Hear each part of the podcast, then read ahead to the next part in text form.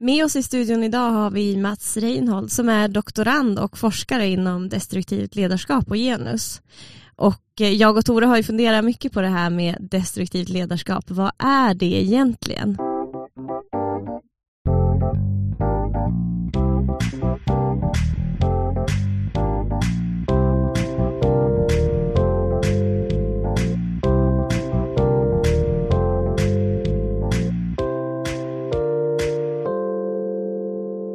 För att jag fick komma hit eh, och prata, det känns jättekul.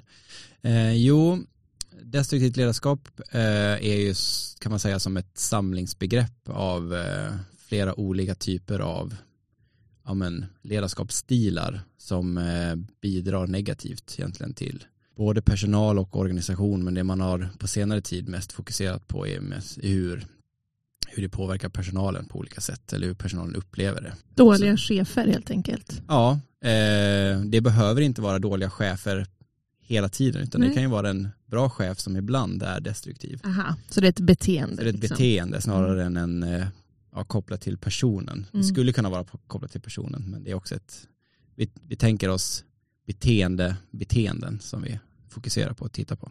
Mm. Eh, men eh, man kan också säga att eh, alltså, det som är viktigt att tänka på det är också att det är beteenden över tid. Att det ska inte vara kanske enstaka händelser utan det ska vara återkommande över tid. Eh, och att man också eh, pratar om både passiva beteenden och aktiva beteenden.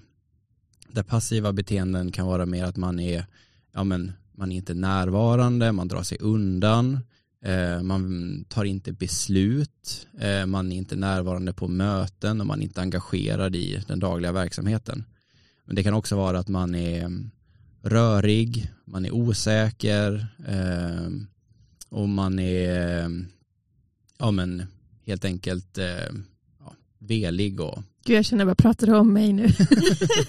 men jag känner igen alltså, flera chefer som jag har haft som har varit så här. Ja. Och då måste de ju ha haft ett, något typ av destruktivt ledarskap. Ja precis, alltså, det är lätt att förut har man inte, förut har man tänkt på de eh, mer aktiva beteendena och de beteendena är ju mer ja, men hot, eh, bestraffningar, eh, överkrav till exempel.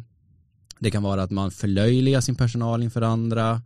Eh, men det kan också vara att man eh, är arrogant eh, eller att man är, ehm, tar på sig ehm, äran för medarbetarnas prestationer till exempel. Och, det är ja. sånt där som är lite tydligare att se. Ja men som är mer aktiva mm. handlingar där mm. man faktiskt har gått in och gjort någonting med kanske en tydlig agenda på något sätt. Mm. Medan då de passiva har man ja, det pågår fortfarande en diskussion inom ledarskapsforskning om man ska väga in det här eller inte och så vidare.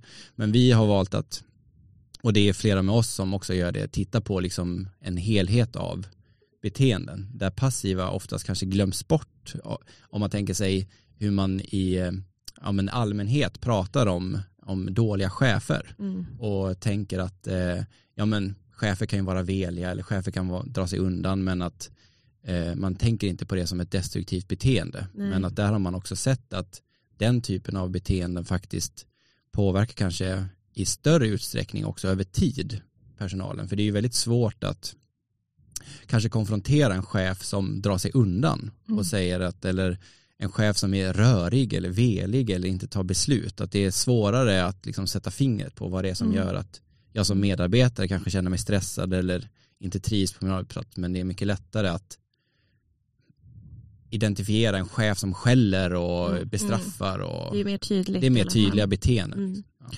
Och när du säger vi, vilka är vi? ja, forskare. precis. Jag ingår, ju, ja, jag mm. ingår ju i en, eh, i en grupp med forskare och eh, den här forskningen som jag bedriver nu är också eh, ett projekt där vi ska titta på egentligen destruktivt ledarskap på svensk arbetsmarknad. Det har pågått nu under tre år och avslutas här vid årsskiftet. Eh, och då tittar vi på ehm, dels förekomsten, hur vanligt är det på svensk arbetsmarknad? Är det, är det vanligt? För det som egentligen gav upphov till och kanske också ökade intresset generellt för destruktivt ledarskap det var en studie som kom för drygt tio år sedan där man från Norge hade sett att det här är ju betydligt vanligare än vad vi tidigare trott. Så där, hade man, där såg man att det var en ja men 35 procent ungefär av medarbetarna som upplevde att de hade destruktiva chefer. Och då har det liksom dragit igång och skapat ett större intresse och då ville vi också titta på, ja men är det liknande här i Sverige?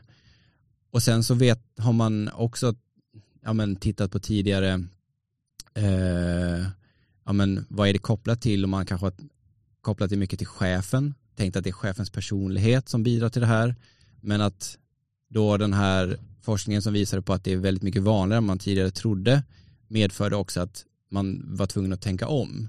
För att så vanligt är det inte med chefer som är till exempel narcissister eller psykopater eller liknande utan beteendet var betydligt vanligare än vad det är vanligt att man har de här personlighetsstörningarna. Mm. Så då måste det vara någonting annat som påverkar och spelar in. Och då börjar man fundera kring, ja men kan det vara liksom organisatoriska förutsättningar, kan det vara personalen, kan det vara andra saker kopplat till chefen som inte har med chefens personlighet att göra.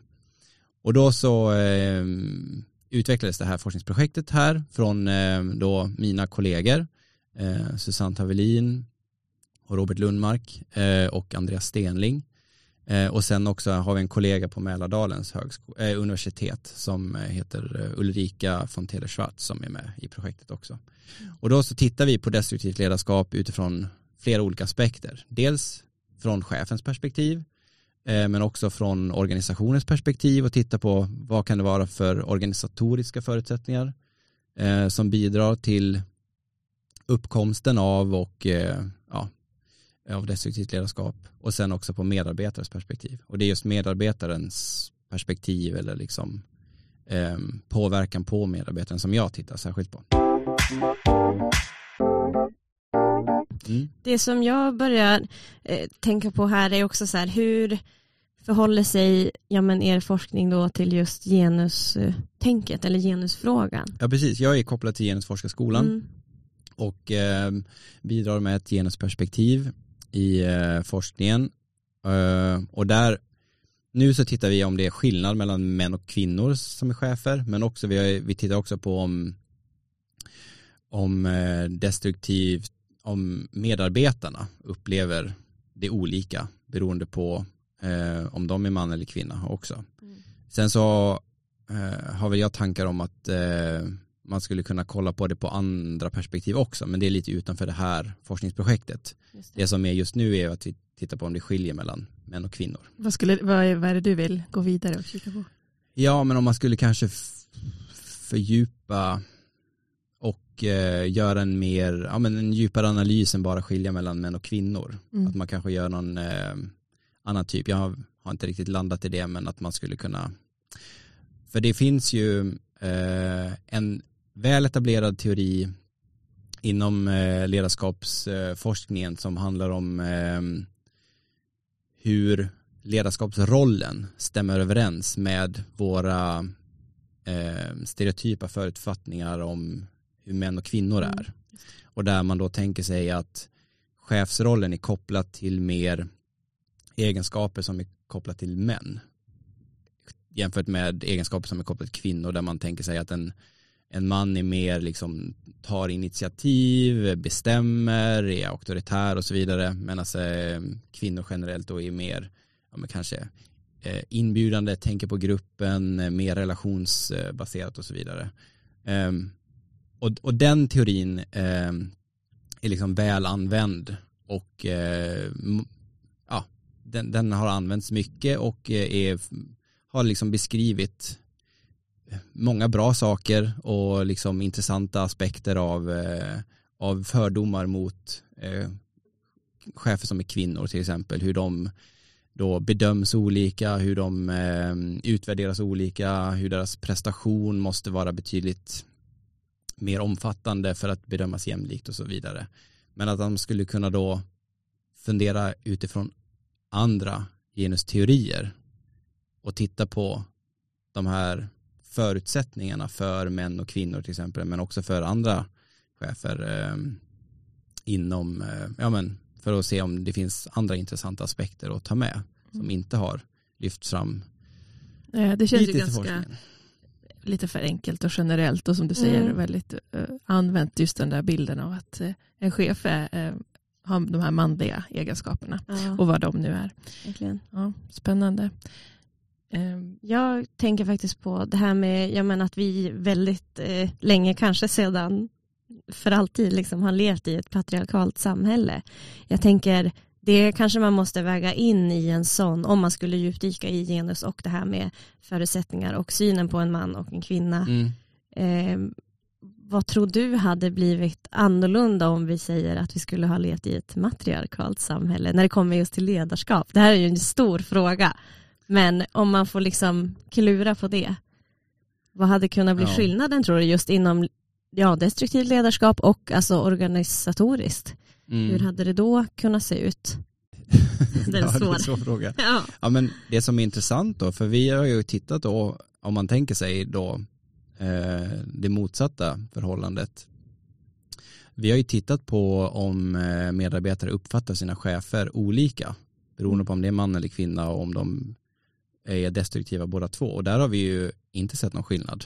Att man uppfattar, i alla fall i Sverige, uppfattar man sin chef lika destruktiv Mm. oavsett om de väl är destruktiva det man skulle kunna tänka sig kanske är att det är eh, att man har olika typer av, av eh, beteenden kanske eh, eller så inte.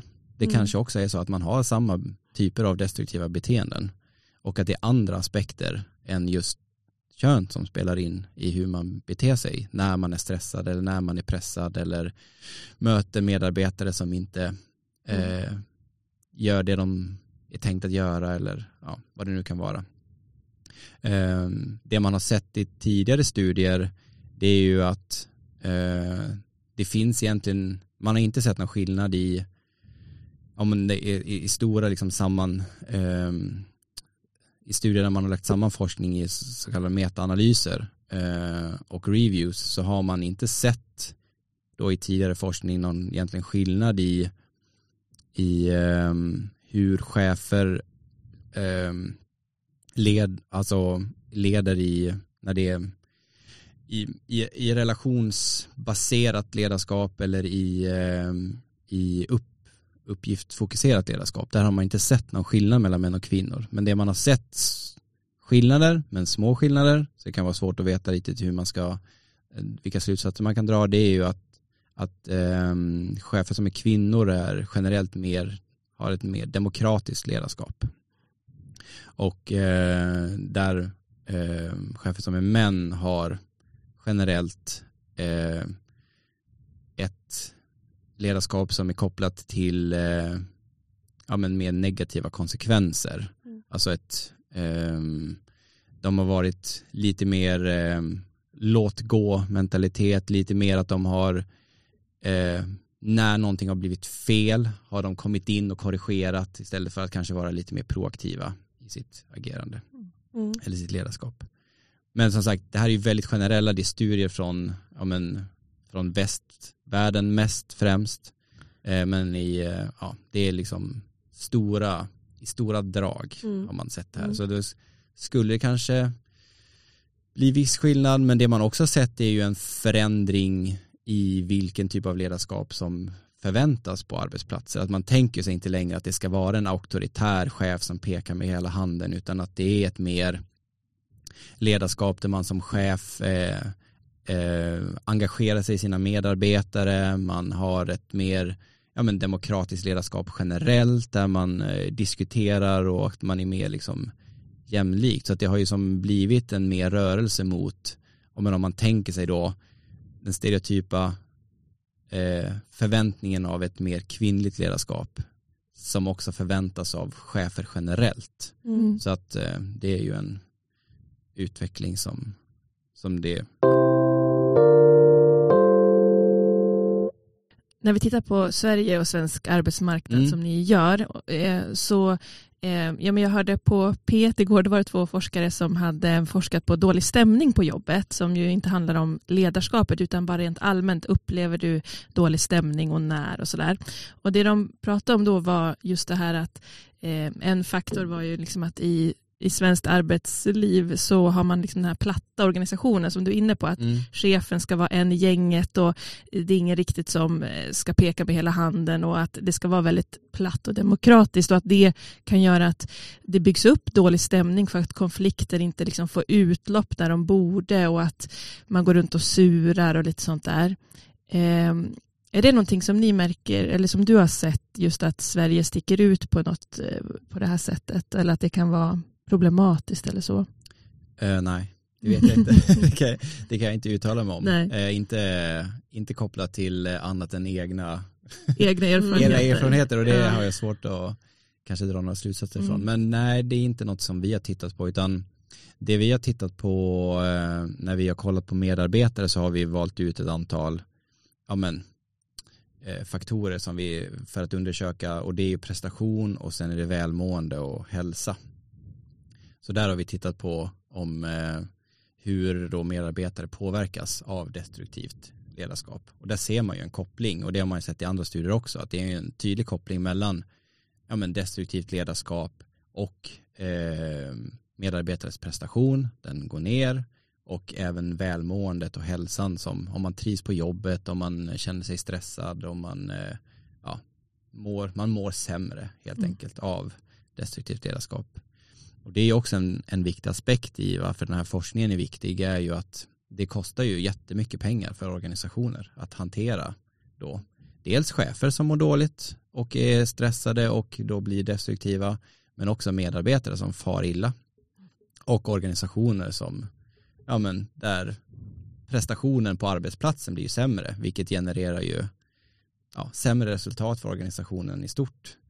Eh, sen så har man, det man har tittat på i forskning är ju individ på individer, så man har ju inte sett kanske då, liksom gjort studier där man tittar på hur organisationen presterar i stort eller hur eh, arbetslag pres- presterar eller sådär. Mm. Men det man kan se är ju, och det man kan tänka sig kanske att om individer presterar dåligt så bidrar ju det till. Mm. Men Det- jag tänker på den, när man liksom ser framför sig den Mm. destruktiva ledaren. Hur formas den eller hur skapas den? För du pratade lite innan om att det kan ju vara en, en annars ja, men relativt bra eller alltså, godtycklig ledare som sen Mm. blir destruktiv. Mm. Och hur, hur blir det så? Liksom från att man kanske är först en bra chef till Mm. att man blir en dålig chef. Ja, ja men precis. Jo men eftersom man har sett att det är så mycket vanligare än en avvikande personlighetsdrag så är det ju kopplat antagligen till annat. Och det vi har, det vi har sett i vår forskning det är ju dels att eh, destruktiva beteenden uppstår om chefen har en hög arbetsbelastning. Om chefen har en otydlig roll. Vad förväntas av mig? Vad är det liksom, vad, är min, vad ingår i min chefsroll? Om det är otydligt så skapar ju det ju också någon osäkerhet och stress som då leder till att man eh, agerar kanske då destruktivt. Eh, vi har också sett att eh, medarbetare som är omotiverade bidrar till destruktivt eh, ledarskap. Eh, och där kan man ju också fundera på vad som är hönan och vad som är ägget. Mm. Men eh, vi, vi har ju sett en utifrån då, eftersom det är enkätstudier så är det ju personer då som har skattat och där har chefen då, vi har både sett hur medarbetare skattar saker och sen också hur chefen skattar på de här frågeställningarna. Vi har inte kopplat ihop så det är inte medarbetare som har en viss chef eller Nej, en chef som har medarbetare utan det här är generellt. Mm. Eh, Men där har man sett då att chefen som skattar högt på omotiverade medarbetare Mm. tenderar också att skatta högt på sitt eget destruktiva beteende. Mm. Eh, och Så där kan man tvärtom. som medarbetare också kanske få en tankeställare att man också skapar sin chef. Eller man, det är ju en Ja. relation. För Ja. Mm. det blir ju lätt att man tänker att ja, men, chefen är liksom utgångspunkten på Mm. en, ett arbetsplats. Mm. Men det är klart att det är en, som en relation, Mm. som vilken som helst. Att Mm. man, Ja, ett eh, man, bi- ja, och att Mm. man, man, man bygger ju den destruktiva relationen om det är så tillsammans också. Absolut, ja men verkligen, så är det ju Så- verkligen. Och det måste ju också betyda att en chef kan ju ha kanske ett destruktivt beteende med en medarbetare och ett helt okej med en annan Mm. eftersom att man, Mm. det där sker ju Mm. mellan människor. Ja men visst. så kan det ju absolut vara. Men jag är nyfiken på hur det ser ut i Sverige. Har ni, du sa så här 35 procent i Norge, alltså mm. att de såg det där. Ja, vi, vi, fick, eh, vi fick siffran på 36,4. Så vi slog Norge ja, i detta. Så, mm. Och då är det övervägande, eller det är lite mer passiva destruktiva beteenden. Så en undvikande chefer, röriga chefer okay. är väl vanligare då. Än, och det är väl ändå positivt i, i sammanhanget. Ja, än att de är liksom eh, Fast det är också svårare ja. att komma åt ja. tycker jag. Ja, men det är det. Eh, jo. Mm. Det är svårare att sätta fingret på. Ja. Man kan och, inte då peka på vad det är. Ja men precis. Jo. Mm. Um, så att det är, ju, det är ju vanligt förekommande måste man ju säga. Och mm. då också ett, ändå ett allvarligt problem att, att ta tag i. Mm. Och då är det viktigt att förstå liksom mekanismerna bakom eh, för att då kunna ja, men hantera det. Och det vill vi ju veta mer om. Och det har vi mm. som börjat liksom studera och få lite kläm på men vi behöver verkligen mer, mer kunskap kring det. Men vi jämförde också då sektorer till exempel, både vi tittade på dem på alla fyra, så privat, eh, offentlig, eh, kommun och region.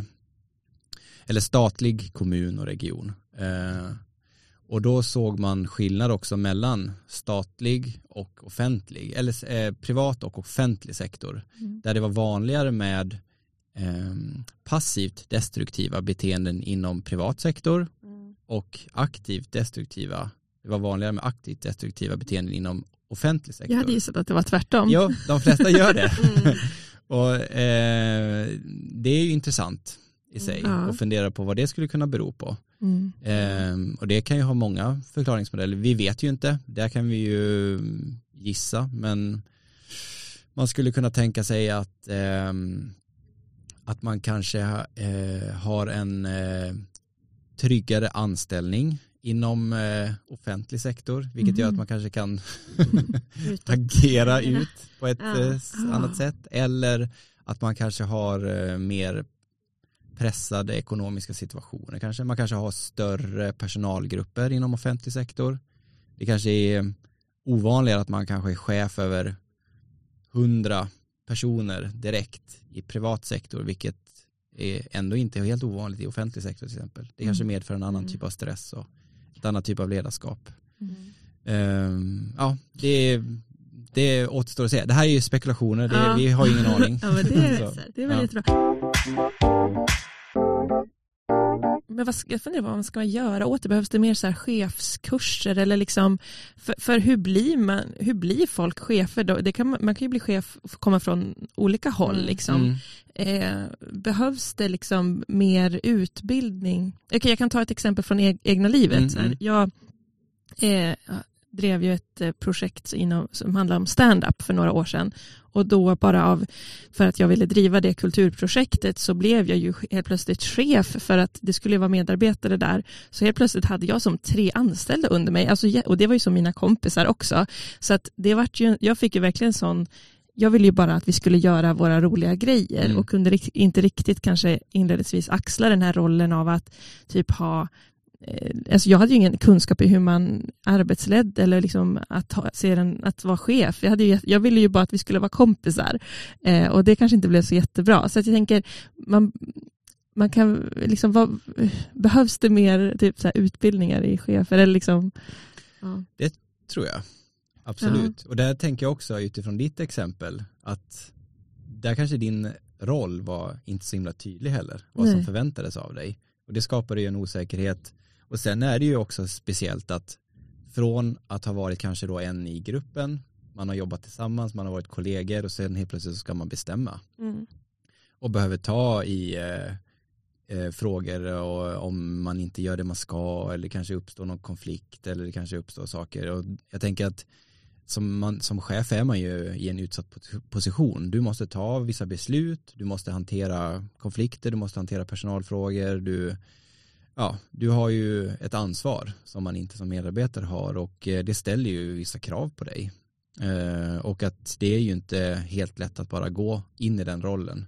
Vissa trivs i den och vissa kanske ja men det faller sig naturligt medan vissa gör det inte och det behöver inte innebära att man inte är, blir en bra chef utan det kanske har väldigt mycket med att, att eh, man behöver liksom förbereda sig och tränas in i rollen. Och att det är väl också en, en eh, tanke som var liksom mer förr att man föds in i chefsrollen Mm. eller antingen är man chef Mm. eller så är man inte chef och Mm.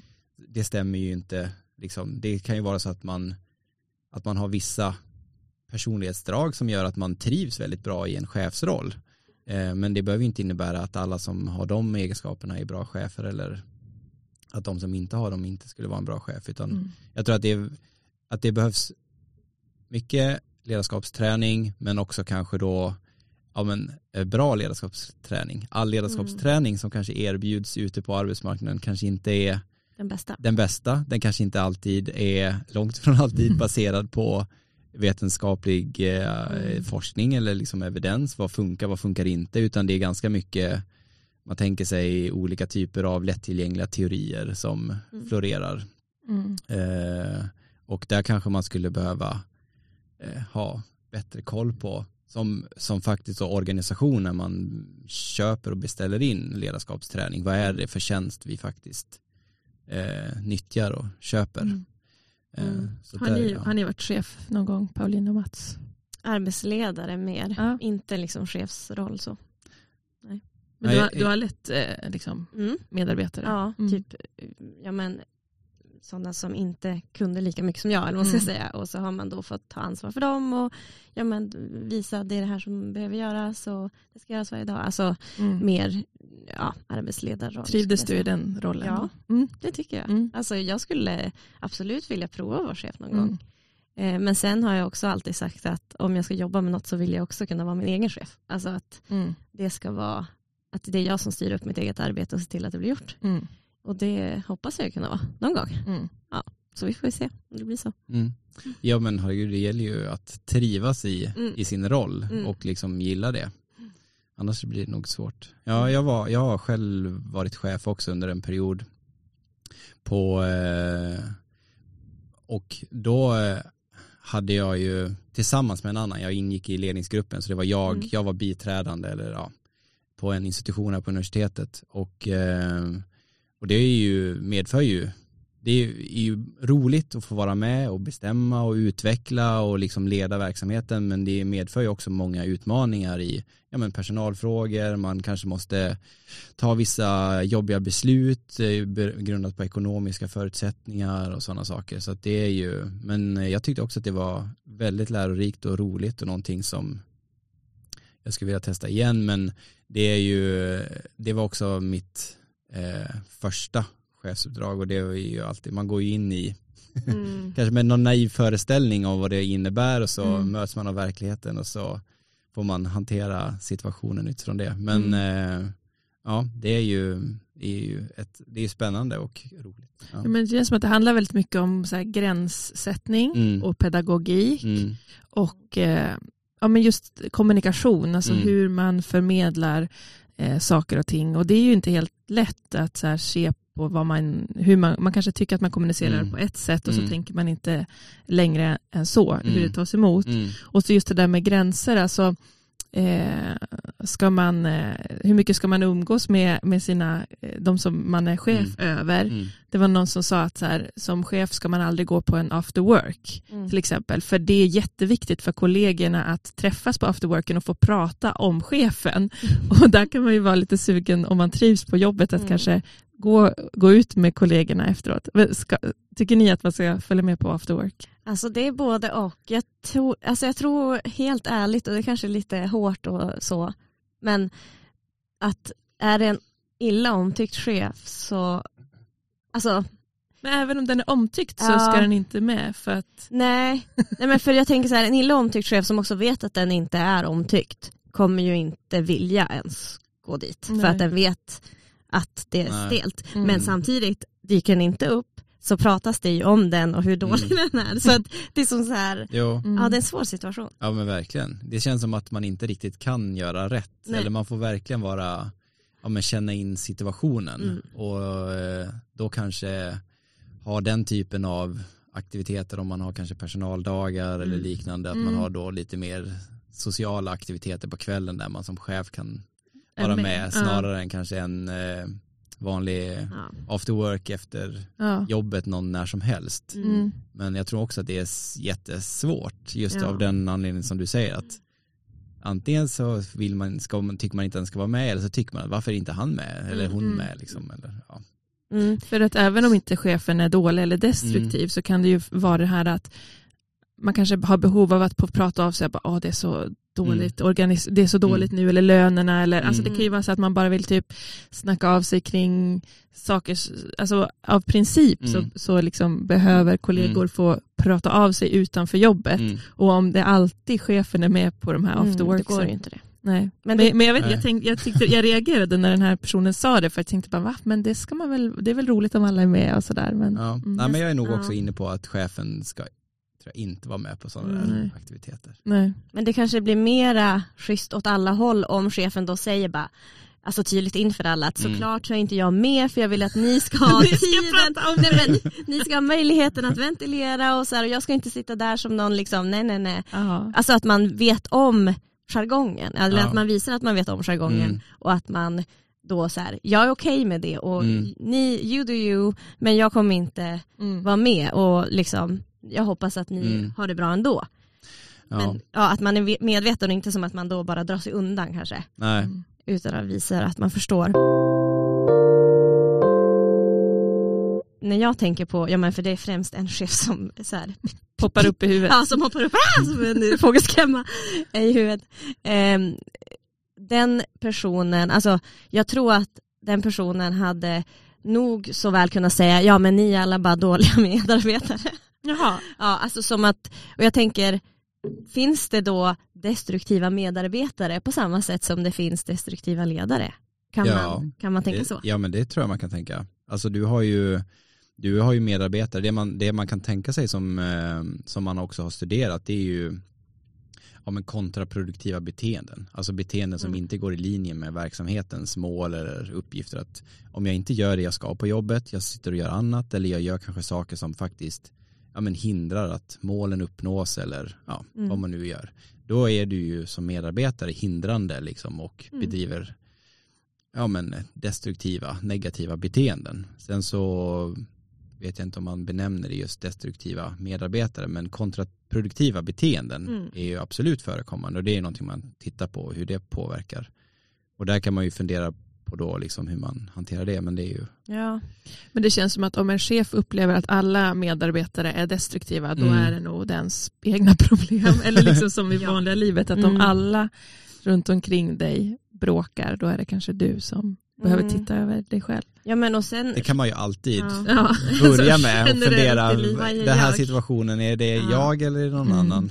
mm, men jag kan, jag kan också se, ja men den här eh, fågelskrämman som är i huvudet, eh, den här dåliga chefen, att när den betedde sig sämre och sämre Mm. och sämre, då blev det ju något typ av antidote att även medarbetarna och teamet typ gaddade ihop sig och blev Mot ännu mer Mm. mot. Alltså, Så Mm. det blir som två olika läger som står mot varandra och det blir någon typ av ja, men typ inbördeskrig på, Mm. ja, på arbetsplatsen. Är det Mm. något som ni har kunnat se i, i forskningen, att man trissar varandra? Liksom? Nej, det, det har inte vi tittat på. Nej. Så det kan jag inte Nej, just det, för ni någonting om. ser inte vilka Nej. medarbetare som jobbar Nej. tillsammans. Nej. ni har inte dragit den Men kopplingen. det vore ju, det vore ju jätteintressant att Mm. göra uppföljande studier där man eh, kanske får följa en eh, arbetsplats Ja. Eh, och titta på så. Sen så är det ju alltid, det finns ju etiska aspekter i den forskningen man bedriver och funderar på. Det kan ju vara svårt då att rekrytera Mm. om man vill så här, vi vill ha destruktiva chefer som vi vill studera Mm. och så eh, men, Mm. eh, och få tag på det. Men eh, Mm. där skulle man ju vilja titta på hur, hur dynamiken på arbetsplatsen är. För Mm. det är också om man tänker sig, om man får in eh, eh, intressanta genusaspekter, då kan man ju titta på olika nivåer inom arbetslivet. Alltså du kan titta på rent hur, hur organisationen är organiserad, alltså hur, hur man organiserat själva arbetsplatsen Mm. i olika strukturer. Eh, man kan titta på eh, organisationskultur, vad är det för miljö de befinner sig i och sen så interaktionen mellan medarbetare och chef och sen också på liksom personen. Så du har alla de här nivåerna och utifrån det så kan man titta på ja, men strukturer som är liksom om man säger en arbetsplats är ju inte liksom en en eh, fristående liten ö i, i sammanhanget utan det är ju influerat av omvärlden och alla strukturer som finns där och förväntningar och fördomar och bilder och liknande. Och eh, det påverkar ju då kulturen och vad man förväntar sig och allt så det är ju som väldigt komplexa samband mm. helt enkelt och där skulle man ju kunna titta på andra ja, men, aspekter och se hur man då som arbetsplats kan jobba med de här sakerna. Vad är det vi, för om man tänker sig organisationsteorier och, alltså, och hur man strukturerar arbetsplatser tänker man ju ganska neutralt gjort. Att man tänker att ja, men det här har vi bara gjort utifrån de här perspektiven och det har ju inget liksom det är ju fullständigt bara objektivt mm, neutrala mm. strukturer. Men de slår ju olika mot olika individer och på olika sätt vilket gör att man skulle då kunna närstudera vissa organisationer kanske och se att men hur har ni organiserat er för att det verkar ju vara som att de här aspekterna bidrar till den här typen av beteenden till mm. exempel och hur ser er kultur ut och sådana saker eh, och gör det på liksom ett strukturerat sätt. Och på, kan det vara ja. både liksom hur, eh, hur det är strukturerat liksom mellan alla människor och arbetsuppgifter men också rent eh, fysiskt typ i så här miljön? Absolut, mm. där kan det ju vara så om man har ett öppet kontorslandskap mm. eller om man mm. har ett ja, kontor och det alltså både liksom den fysiska miljön och också om man tänker sig en mer abstrakt organisationsstruktur kan ju påverka hur beteenden och mm. så. Och också tänker jag så här, vart, vart är chefen placerad mm. i ja. rummet? Har den ja. ett, det finaste kontoret eller långt, alltså ja. det, det måste ju mm. påverka mm. jättemycket vid, i liksom någon slags hierarki ja. i så här, vart man har sina skrivbord. Eh, ha en chef som är väldigt långt borta och som mm. inte ser någonting. Mm. Det blir ju också så här eh, distans. Dis, en, en, som vi pratade om den här chefen som drar sig undan. Mm. Det blir också problematiskt att så här, men du vet inte vad som pågår här, du hör Nej. ingenting och ser mm. ingenting. Så att, ja, gud, det måste vara jättesvårt att placera sig mm. eh, och hur mycket ska man vara med mm. och inte liksom. Ja men där är det väl jätteviktigt att som chef vara lyhörd också mm. för att medarbetare har ju olika behov och att man kan inte behandla kanske alla medarbetare olika, eller lika men utan att också för den saken inte behandla dem olika. olika. Mm. Men att eh, vissa medarbetare behöver en viss typ av återkoppling kanske medan andra medarbetare är mer mm. självgående och där är det också, ja men om man tänker sig eh, att man kan uppfatta samma chef väldigt olika som medarbetare. Det kan ju ha att göra med att man själv har olika förväntningar på sin chef och att de här förväntningarna eh, behöver kanske synliggöras mm. till sin chef. Att det här förväntar jag mig, eller det här skulle jag verkligen behöva för att göra ett bra jobb. Men samtidigt så behöver ju kanske då chefen också vara tydlig i, i på vilket sätt man vill bedriva ett, sitt ledarskap. Mm. Och också en Ja men till exempel det man har också sett eh, i, i studier det är att eh, om man tänker sig lite skillnader mellan män och kvinnor det är att i delegering av arbetsuppgifter så har man i en studie i alla fall sett att, att eh, chefer som är kvinnor har varit lite mer restriktiva i att delegera arbetsuppgifter. För man vill inte upplevas som att man lägger arbetsbörda på medarbetare medan eh, chefer som är män har mindre, alltså de är de delegerar enklare ut uppgifter för de har inte kanske då samma oro att bli uppfattade på det här sättet. Och att eh, det kan ju vara liksom intentionen till en handling kan ju vara positiv men uppfattas som negativ. Så att om jag som chef liksom drar mig undan för jag tänker att det här ger frihet för mina medarbetare och jag litar på dem och det, det ger dem handlingsutrymme att ta egna initiativ och sådär kanske då från vissa medarbetare uppfattas negativt, att man håller sig undan fast det man vill är egentligen att, att skapa en självständighet och att man då är tydlig i den kommunikationen, att man, eh, ja, Mm. vad man faktiskt... Ja, för man vill ju att chefen ska se en också ja, och checka in ja, man, vad man har gjort ja. och sådär. Mm, verkligen. Mm. Men jag tänker, du som nu ändå har djupdykt i det här i flera år på något sätt måste du ändå ha bildat en uppfattning eller någon typ av spetskompetens inom då, ja men vad blir, alltså jag tänker om man ska ge ett tips till medarbetaren som känner att okej okay, min ledare är kanske inte på topp och behöver förbättra sitt ledarskap. Vad tänker du att man kan göra som, som medarbetare för att ja, men antingen öppna det här samtalet om det eller att faktiskt förändra på arbetsplatsen så att det blir bättre? Mm. Det kan ju vara svårt att ta det direkt med sin chef. Eh, det får man väl känna själv. Förhoppningsvis så finns det då kanske mm, fackliga ombud på arbetsplatsen som man kan ta upp frågan med och så får de ta upp det på ett mer liksom kanske generellt plan utan att eh, man som medarbetare behöver känna sig utpekad. För det kan ju vara så beroende på vem chefen är och hur chefen beter sig att om man då kommer med den här typen av kritik eller liksom feedback så kan det ju vara så att man att det blir ännu sämre stämning mm. Eh, och man kanske blir bestraffad på något sätt eller sådär. Men ett första steg kan ju vara att ta det med ett fackligt ombud. Sen så har väl den personen kanske en chef. Om det nu beroende på storlek på organisation och vart i organisationen man är och sådär. Men eh, ja, antingen att man, eh, om man inte vill ta det direkt med chefen själv så fackligt ombud eller dens chef. Mm. Eh, ja. Mm. Det finns ju sådana här, man har väl ofta typ medarbetarsamtal eller så här mm. årligen med mm. sin chef. Uh, ska man samla mod och ta upp det där kanske? Jo, ja men precis. Mm. eller att man, eh, man kan ju också eh, säga saker på olika sätt. Mm. Man kan ju säga det mer kanske anklagande eller så mm. kan man säga det mer i en att man har en upplevelse av det här eller, och att det påverkar mig på ett sätt. Och Mina fråga. behov är. Ja, ja mm. men precis eller hur upplever du eller att man på något sätt ger personen ett utrymme att ja men eh, själv kanske, ja sen så kan det ju vara så att, eh, att chefen är stressad och mm. pressad och har inte förutsättningarna att faktiskt mm. eh, vara en bra chef. Och det är väl viktigt att i sammanhanget eh, påpeka att det kan ju vara liksom många olika aspekter. Det kan ju vara ekonomiska förutsättningar, organisatoriska förutsättningar som gör att, mm. att man som chef inte har faktiskt möjligheten att vara en bra chef. Mm. Eh, men det rättfärdigar ju inte dock ett destruktivt beteende mot medarbetarna. Men det kan ju vara någonting då som chefen själv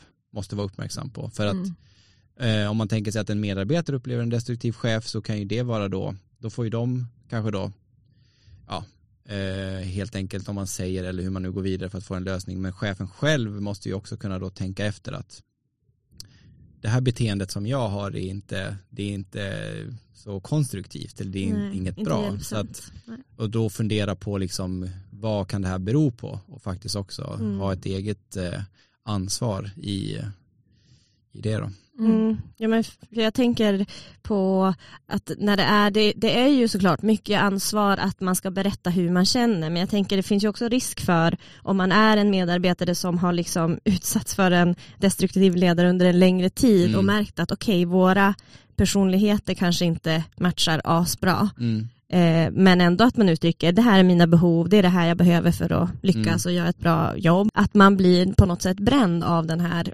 ja, men människan eller chefen som är så pass ja, men antingen vass eller hård eller oemotionell. Alltså, mm. Det kan ju finnas eh, ja, massa saker som mm. gör att det inte funkar. Mm. Men det är väl då lösningen är att man faktiskt pratar med en annan mm. som får ta upp, alltså mm. som man får ta upp det här beteendet mm. med och att det inte fungerar helt mm. enkelt. Ja men absolut, och där är ju, det är ju en, ja men att säga upp sig från sin arbetsplats är ju, en, det är ju ett sätt att, att komma undan det här men det är ju, drabbar ju en själv då och särskilt om man är i en, ja men du kanske är i en situation där du, du har ingen möjlighet att kanske hitta ett nytt jobb inom nära framtid eller vad det nu kan vara. Olika mm. anledningar till att du inte säger upp dig. Mm.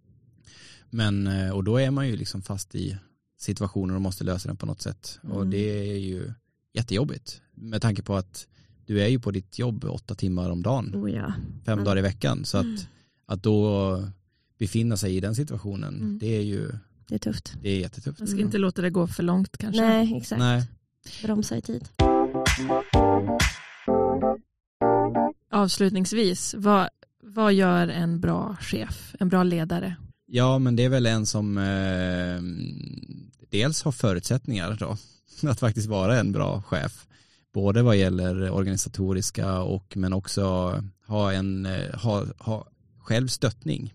Mm. Att man kanske då får stöttning om man själv känner sig pressad, man har en hög arbetsbelastning och har liksom, ja, men en organisation som hjälper en i jobbet att vara chef. Eh, men eh, sen också att såklart vara engagerad i sina medarbetare och, och också då tycka att det är roligt att vara chef. Eh, men det, ja, det, det, finns ju ett mycket bättre svar än det jag gav nu men det är väl helt enkelt att också föregå med gott exempel och vara engagerad i, i sitt jobb. Men sen så det finns jättemycket teorier om vad en mm. bra chef, hur den mm, är. Typ. Ja, det är väl att vara och känna in sina mm. medarbetare mm. och se lite deras behov och eh, tänka sig att man eh, att man är där för att hjälpa dem i deras arbete framåt. Hjälpa dem med vad det nu kan behövas i prioritering eller i stöttning på olika sätt. Um, och att um,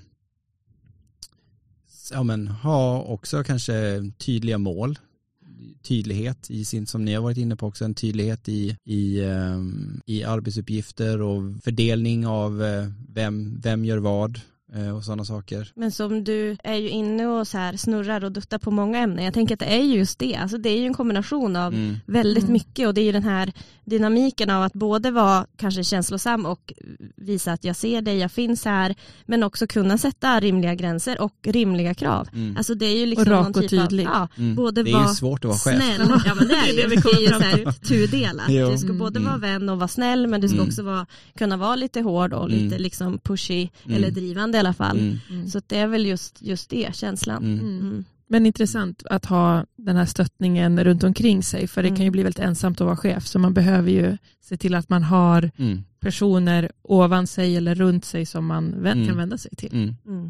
För att bli den bästa chefen. ja, men tack Mats för att du kom hit och snackade tack. om detta med oss. tack så mycket för att du fick komma.